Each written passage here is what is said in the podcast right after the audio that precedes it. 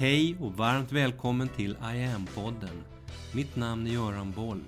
Här kommer jag varje vecka att presentera, utveckla tankar kring och polera på en ny facett av denna märkliga, mäktiga ädelsten vi kallar yoga. Det finns flera historier om hur yogan sprids över världen. Den 11 september 1893 inleddes i Chicago den stora konferensen The Parliament of World Religions. Och redan första dagen stod den indiske munken Swami Vivekananda på scenen och höll ett anförande representerandes Indien och hinduismen. Han fick stående ovationer från den 7000 personer stora publiken och blev mycket positivt omskriven i pressen. Detta ögonblick brukar räknas som yogans officiella startskott här i väst och Vivekananda som den som höll i revolvern, the man with the smoking gun. Han föddes den 12 januari 1863 i Calcutta i Indien som Narendrana Dutta. Redan som liten sades det om honom att han hade lätt för att meditera, att han var duktig på att kunna gå djupt in i meditation.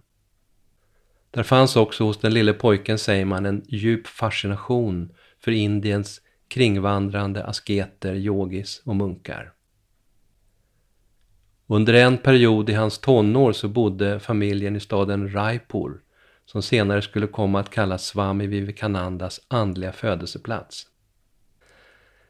Tillbaka i Calcutta studerade han logik, filosofi, historia och sanskrit. Han gick med i frimurarna, han gick också med i en fraktion inom det indiska religionssamfundet Brahma Samaj som länkade samman hinduismen med olika kristna värderingar. 1881 träffade han sin guru, Ramakrishna, en berömd 1800-talsmystiker i Indien med rötter inom tantra och kundalini. Hans främsta råd till Vivekananda var alltid att försöka se sanningen utifrån alla tänkbara vinklar. Ramakrishna fick cancer 1885, dog 1886 och då bildades en munkorden i hans namn med Vivekananda som ledare. Några år senare så började han ett liv som kringvandrande munk och asket och färdades under flera år kors och tvärs över Indien, sög i sig kunskaper från olika yogamästare olika traditioner och han beslöt sig då för att bli själv starkt bidragande till att försöka lyfta hela den stora fattiga indiska nationen.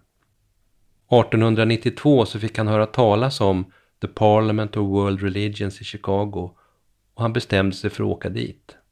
Det samlades in pengar till resan och i maj 1893 så lämnade han Bombay, eller Mumbai som vi säger idag, med destination USA.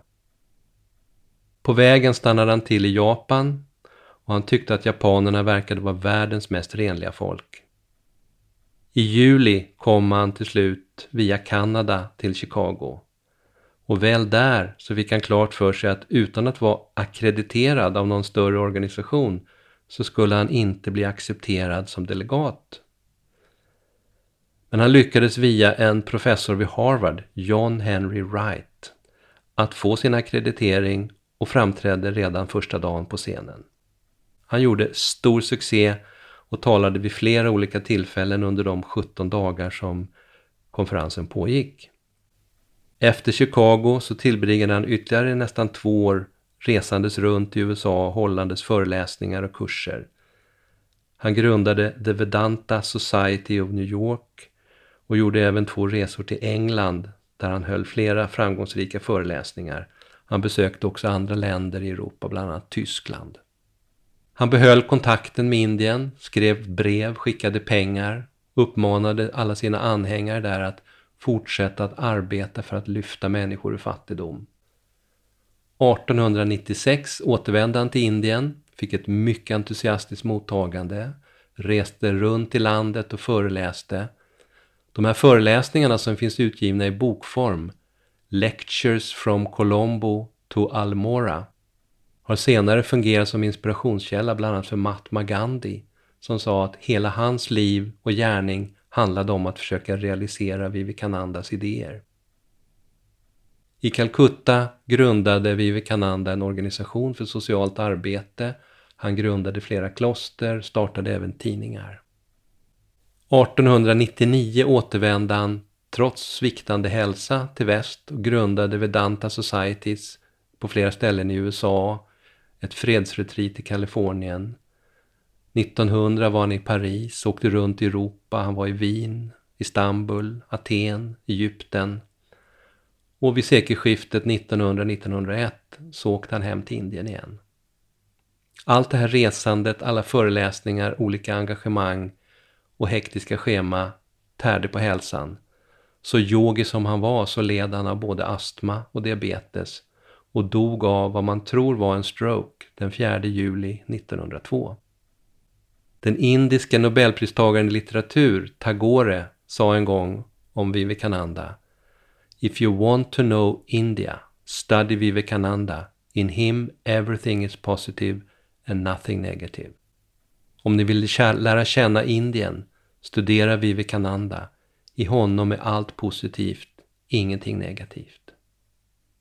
Min katt Tao säger att han i en tidigare inkarnation var Tagores musa, så rent tekniskt så är det han, Tao, som har fått Nobelpriset. Han tyckte att det var viktigt att jag nämnde det här. Mitt namn är Göran Boll.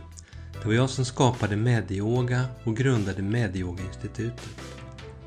Sedan 90-talet och framåt har jag introducerat yoga i näringslivet, in i svensk forskning och in i den svenska hälso och sjukvården där Sverige idag är världsledande på yoga direkt för patienter. Framtiden för mig handlar om I am. Yoga för medvetenhet och hälsa. Läs mer om kurser, online-träning, utbildningar med mera på hemsidan iamyoga.online.